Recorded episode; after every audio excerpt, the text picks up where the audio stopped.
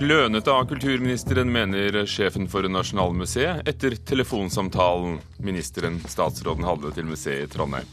Det er bare laget fire norske kjærlighetskomedier siden suksessen 'Kvinnen i mitt liv' i 2003, og en regissør etterlyser flere. Og vår anmelder hører den nyeste platen i Leif Ove Ansnes Beethoven-reise, samtidig som Fredagspanelet samles i Kulturnytt. Som du hører i Nyhetsmorgen i NRK med Ugo Fermarello i studio. Klønete håndtert, sier direktøren for Nasjonalmuseet om kulturministerens kommunikasjon med Kunstmuseet i Trondheim. Ledere for landets kunstmuseer reagerer på kulturministerens telefon til styrelederen for museet, som førte til at direktøren sendte SMS til sjefen for Kunstmuseet om at han hadde satt i gang et helvetes leven. Det virker jo litt eh, klønete, litt på snublefot.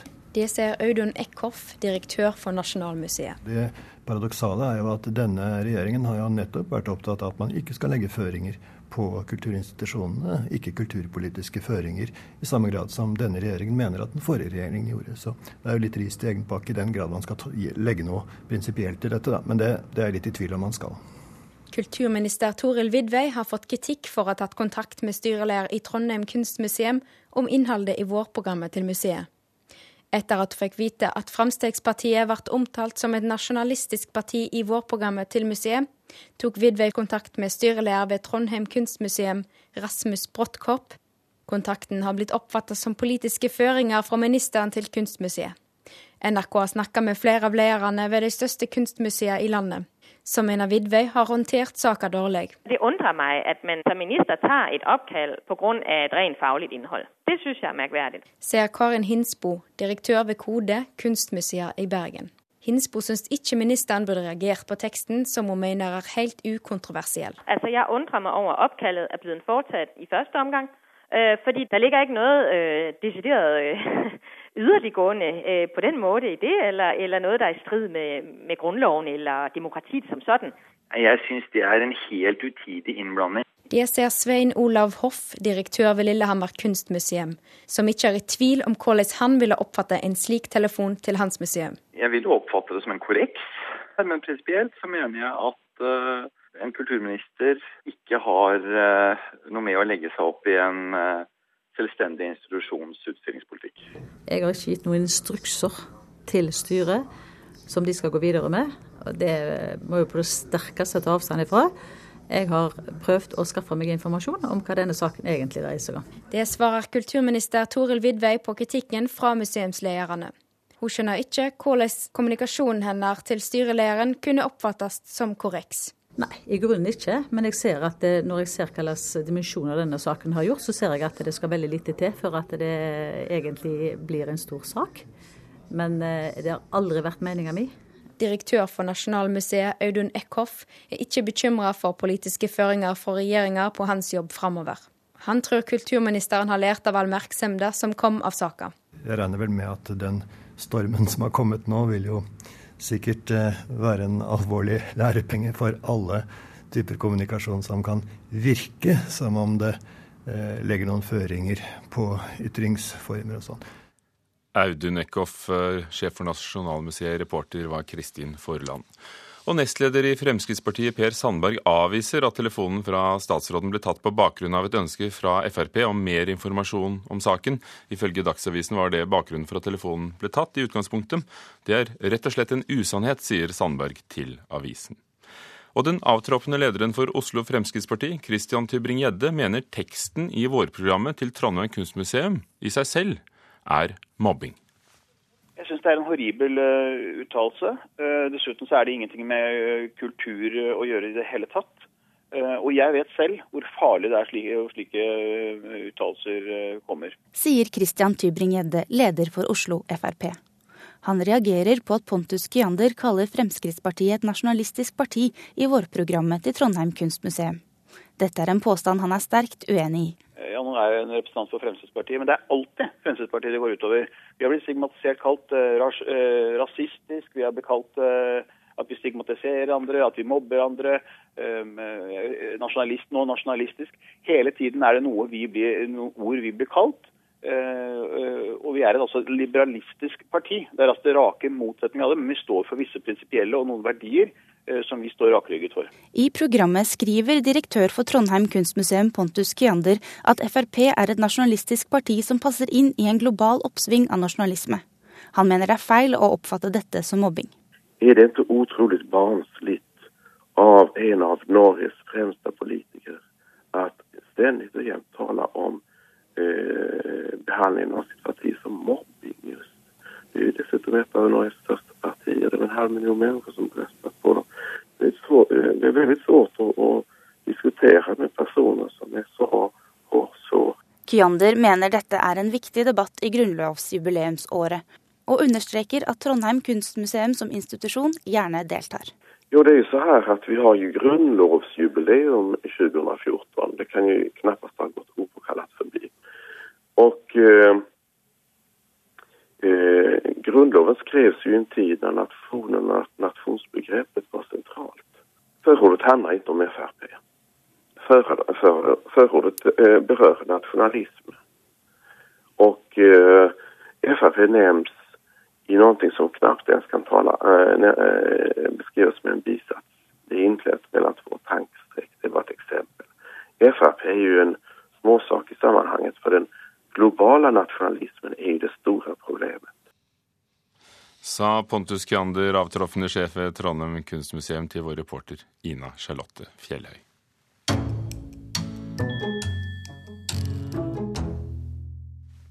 Har du lyst til å se en norsk kjærlighetskomedie på valentinsdagen, Alle hjerters dag, nemlig i dag, så er det få filmer å velge mellom.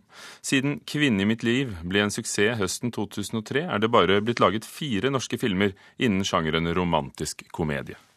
Det kunne godt vært flere norske romantiske komedier. Det kunne kanskje vært lurt å måtte utvide litt av sjangerne vi lager, da. Savner du romantiske komedier på kino? Ja, absolutt. Det er alltid, alltid gøy, det svarer tre tilfeldig spurte på gata i Oslo. For eh, norske romantiske komedier er en sjelden vare. Dere skal få bryllup, dere skal få barnebarn. Nei! Jo! Nei! Høsten 2003 ble 'Kvinnen i mitt liv' med Thomas Gjertsen og Ane Dahl Torp en stor suksess. Likevel viser en opptelling NRK har gjort, at bare fire av de 270 norske filmene som er laget siden den gang, har vært romantiske komedier. Den seneste må vi hele sju år tilbake for å finne, da Mars og Venus hadde premiere på nettopp valentinsdagen. Det er eh, sannsynligvis et veldig stort publikum der. Så hvorfor produsenter og regissører og manusforfattere velger å ikke gå dit, det er eh, litt forundra over, faktisk mener regissør Per Olav Sørensen, som snart har premiere på den romantiske musikalen Ta meg med, basert på Halvdan Sivertsen og Jan Eggums sangunivers. Kjærligheten er for alle. Alle er for kjærlighet. Han mener det brede publikum har for lite å velge mellom. Det er uh, mye for barn, det er uh, mye action. Men den der brede flaten av bred voksen-romantikk, eh, den er veldig, veldig eh, få filmer. Ja, på en måte så er jeg helt enig med han i det. Det hadde vært veldig gøy hvis vi hadde blitt gode på den sjangeren her hjemme. Sier produsent og regissør Karin Julsrud. Jeg tror det er litt uh, redsel for at uh, det er det andre der ute i verden som er uh, veldig, veldig gode på. spesielt amerikanerne. Så jeg tror det handler mye om redsel, og jeg tror ikke at ikke vi kan. Men jeg syns heller ikke det er så rart at ikke så mange har forsøkt. Så har det også vært et par forsøk som ikke har vært helt vellykket. Eh, og da blir man jo selvfølgelig litt skremt. Sørensen tror også at det i filmbransjen er lite kredibelt å lage slike filmer. Jeg tror definitivt at det er litt kred å gjøre det. Det er ikke Julsrud helt enig i. Vi jobber faktisk eh, i dag med i hvert fall to eh, filmprosjekter i den sjangeren. Eh, vi har ikke gjort det før på den måten, men, eh, men, eh, la oss si det sånn at vi håper at vi i hvert fall lykkes med ett av de prosjektene og får det opp og så om ikke så altfor lenge. Men vil publikum ha flere romantiske filmer? Gjesteforsker Mette Kramer ved Københavns universitet har undersøkt hva som skjer med oss når vi ser filmatisk romantikk. Altså, vi bruker jo våre følelser når vi ser film på samme måte som vi gjør i virkeligheten. Hun mener at slike filmer snakker til pattedyret i oss. At hjernen og kroppen automatisk reagerer positivt på scenarioer som har relevans for vår overlevelse og reproduksjon som art.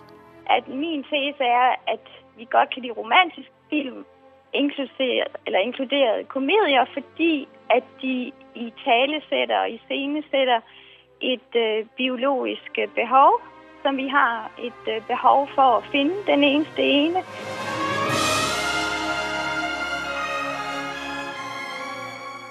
Mette Kramer ved Københavns universitet om vårt biologiske behov for å finne den eneste ene til vår reporter Christian Ingebretsen.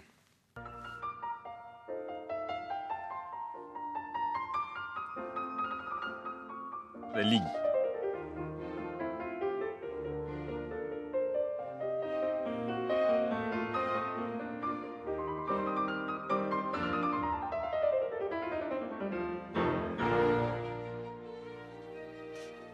Leif Ove Ansnes, Beethovens andre klaverkonsert sammen med Maler Kammerorkester. Dette er fra pianistens nyeste plate i serien The Beethoven Journey, som kommer på mandag. Denne gangen er det den andre og fjerde klaverkonserten som står på programmet, og anmelder Øystein Sandvik, hva er hovedinntrykket i denne etappen av Ansnes Beethoven-reise? Det er Ansnes i kjent stil, eh, som vi hører. Det er et spill uten eh, store fakter og fikse og eksentriske ideer. Han går rett til essensen i musikken og lar frasene på en måte være det de er, uten å legge til så mye ekstra. Litt på godt og litt på vondt. Eh, på det beste så er dette riktig fint, og særlig i de hurtige og energiske satsene så fungerer det bra. Eh, men som helhet syns jeg ikke denne utgivelsen holder helt det samme nivå som den eh, første, den forrige som da inneholdt den første og tredje klaverkonserten. Eh, den lider litt under noen svakheter, spesielt i den større og mer krevende fjerde konserten, hvor jeg aldri ble helt revet med og dratt inn i musikken. Leif Ove Ansnes dirigerer Maler kammerorkester selv. En uvanlig ting? Ja, Det er ikke så vanlig i Beethoven. Det er ikke helt uvanlig heller. Det har skjedd før, men, eh, men, det er noen utfordringer her. Eh, I den første, eh, altså det vi hørte innledningsvis, den andre klaverkonserten, som er et tidlig Beethoven-verk, han skrev dette verket sent i tenåra, så fungerer det bra. Det er fremdeles litt sånn Mozart-Hayden, litt stor kammusikk. Når vi kommer over i den fjerde konserten, så har formatet blitt mye større. Da er det mye mer sånn symfonisk form, et mye lengre forløp, og her oppstår det noen problemer.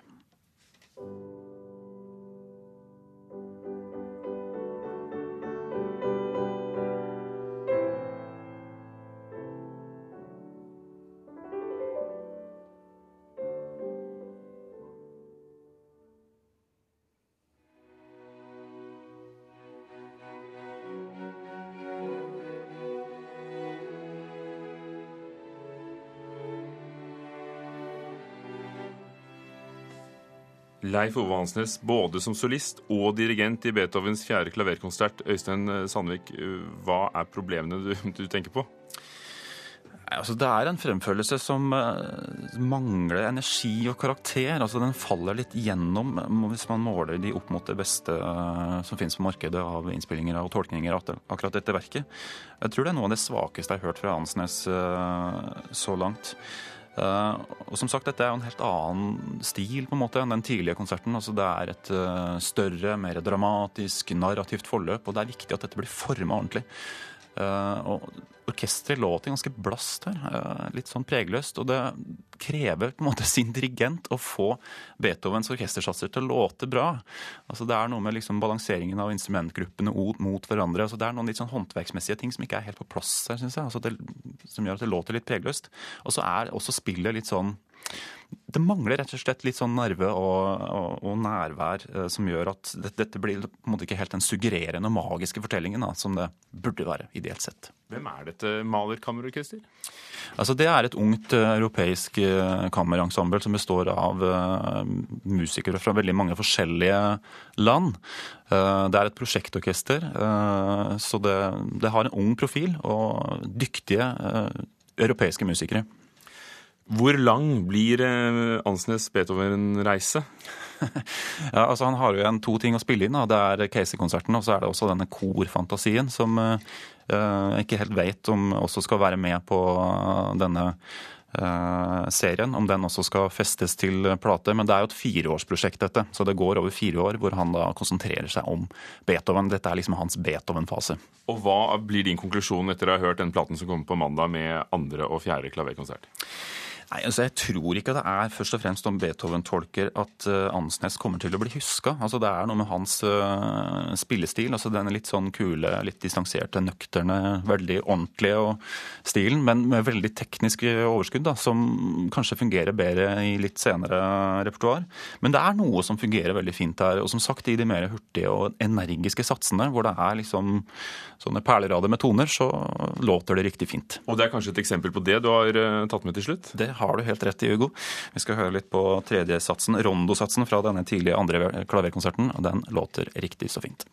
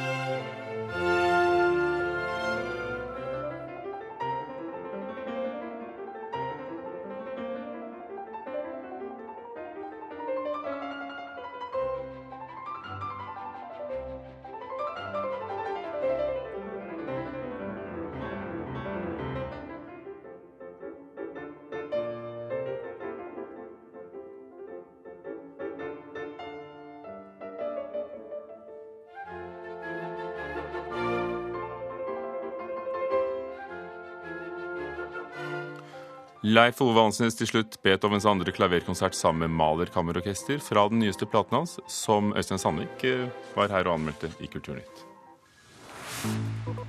Klokken er allerede ti på halv ni. Dører på Nyhetsmorgen i NRK. Overskriften i dag Norge er ikke godt nok forberedt på å ta imot de som kommer tilbake fra krigshandlinger i Syria, sier justiskomiteens leder Hadia Tajik. Barn i alderen fem til ni år sikres ofte for dårlig i bil. Det har ført til at mange barn får mage- og tarmskader i bilulykker på norske veier. Og Bispemøtet reagerer på at norske myndigheter tviler på kristentroen til utenlandske konvertitter i utvisningssaker. Fredagspanelet er samlet i Kulturnytt. Audun Molde, musikkviter og førstelektor ved Handelshøyskolen BI og NIS, velkommen. Takk. Anna B. Jensen, ansvarlig redaktør i Morgenbladet, velkommen. Takk. Og forlager Arve Juresen, hei. Hei, hei. Første spørsmål som, om en sak vi har hørt om her i Kulturnytt. Denne uken tok kulturminister Torhild Widvey personlig kontakt med ledelsen for Trondheim kunstmuseum da hun fikk vite at den avtroppende direktøren ved museet i vårprogrammet kalte Fremskrittspartiet et farlig nasjonalistparti, og litt til. Spørsmålet er har ministeren tråkket i salaten, eller er det greit å ta en telefon for å finne ut av fakta, som hun selv kaller det? Altså salat eller greit? Salat. Suppe. Skikkelig salat. Salat på alles fat. På alles fat. Eh, men hvorfor? Fordi hun sier selv at det var bare for å få rede på hva som hadde skjedd. Men hvorfor var hun så interessert i å vite det? Eh, hvis hun hadde fått en henvendelse fra media om dette, her, så kunne hun bare sagt ingen kommentar. Dette ligger ikke på mitt bord. Eh, altså Hennes måte å rydde opp i denne saken på er også veldig merkelig, hvor hun bortforklarer det med at hun er impulsiv og utålmodig. Problemet er jo at dette er en sak som ikke hun burde mene noe om i det hele tatt. Ikke bare er det ille at hun ringte, men det er en skikkelig sånn kjedereaksjon av dårlig ledelse. hvor når hun først ringer til styrelederen, så bør jo han, tenker jeg, stoppe eh, hva skal jeg si, skandalen. Men nei da, han ringer så til sin direktør, som mm. greier å gjøre den gigatabben og sende en sint SMS til eh, Pontus Kiander, hvor hun sier at eh, nå har du lagd et helvetes, helvetes leven og truer han med at dette skal komme på CV-en hans. Sånn, det er liksom dårlig ledelse mm. over hele linja, da. Og så tar media over og fortsetter å rote. Jeg er nødt til å få lov til å sitere Adresseavisa, som også Aftenposten skrev. De skrev da direktør Pontus Kyander ved Trondheim kunstmuseum har nå sagt opp sin stilling, men tar i vårprogrammet et kraftig oppgjør med et av regjeringspartiene i landet han snart forlater. altså, Hva er det for noe? Kan vi plutselig si sånt nå? Jeg synes denne saken her, Vi må ikke glemme at han har gjort noe dumt. Eh, og så har liksom den dumheten fortsatt videre. Så vet ikke, skal vi stoppe nå?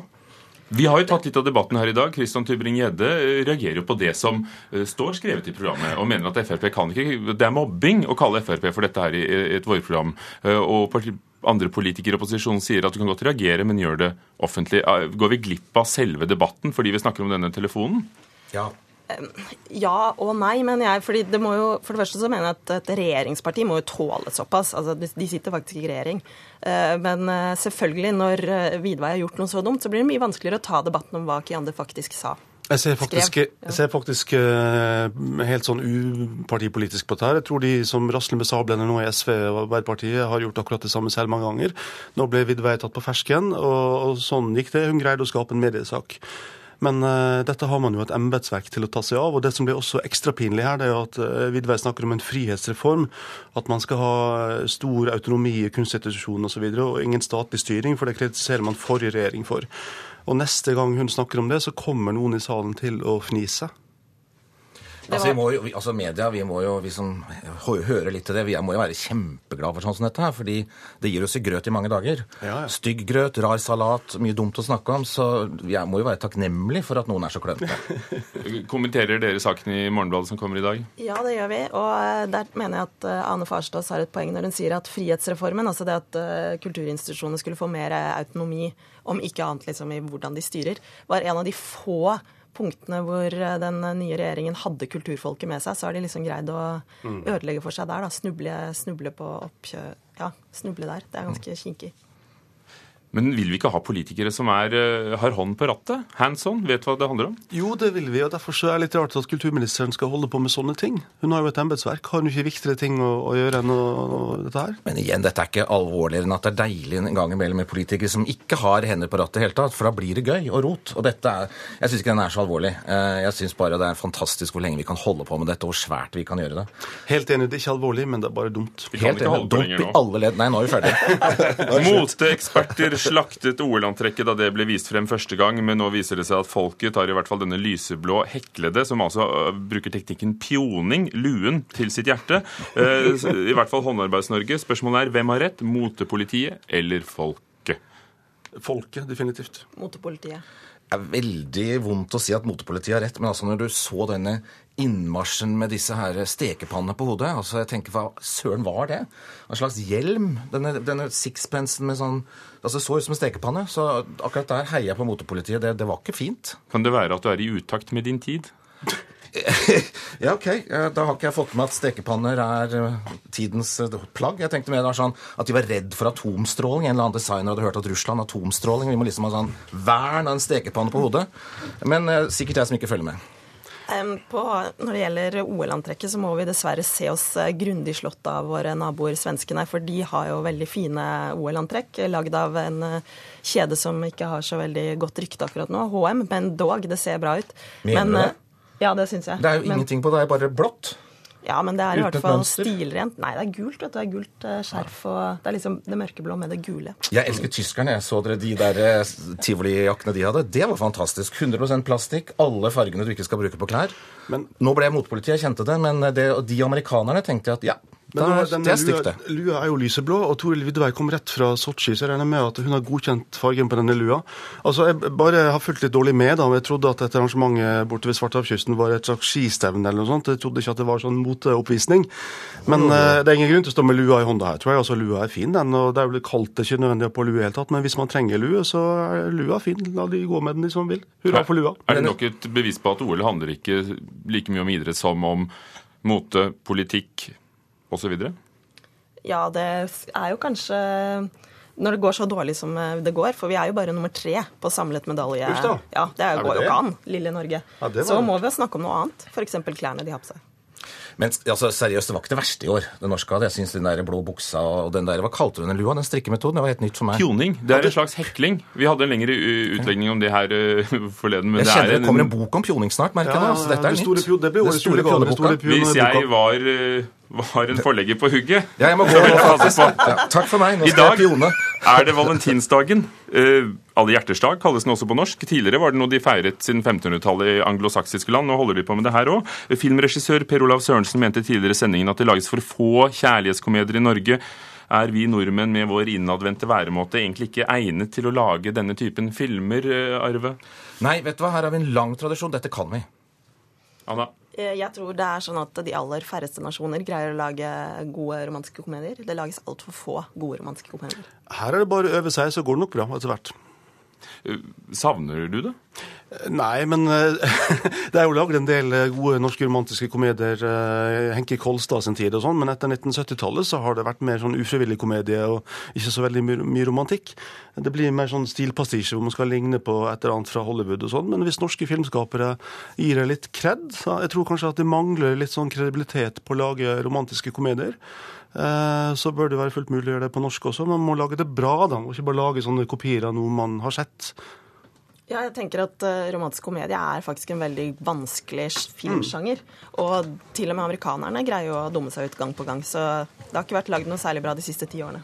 Nei, men altså, vi har jo, som sagt, Jeg satt var så heldig og fikk grave i arkivene på 50-tallskomediene våre. Fy søren hvor gode vi var.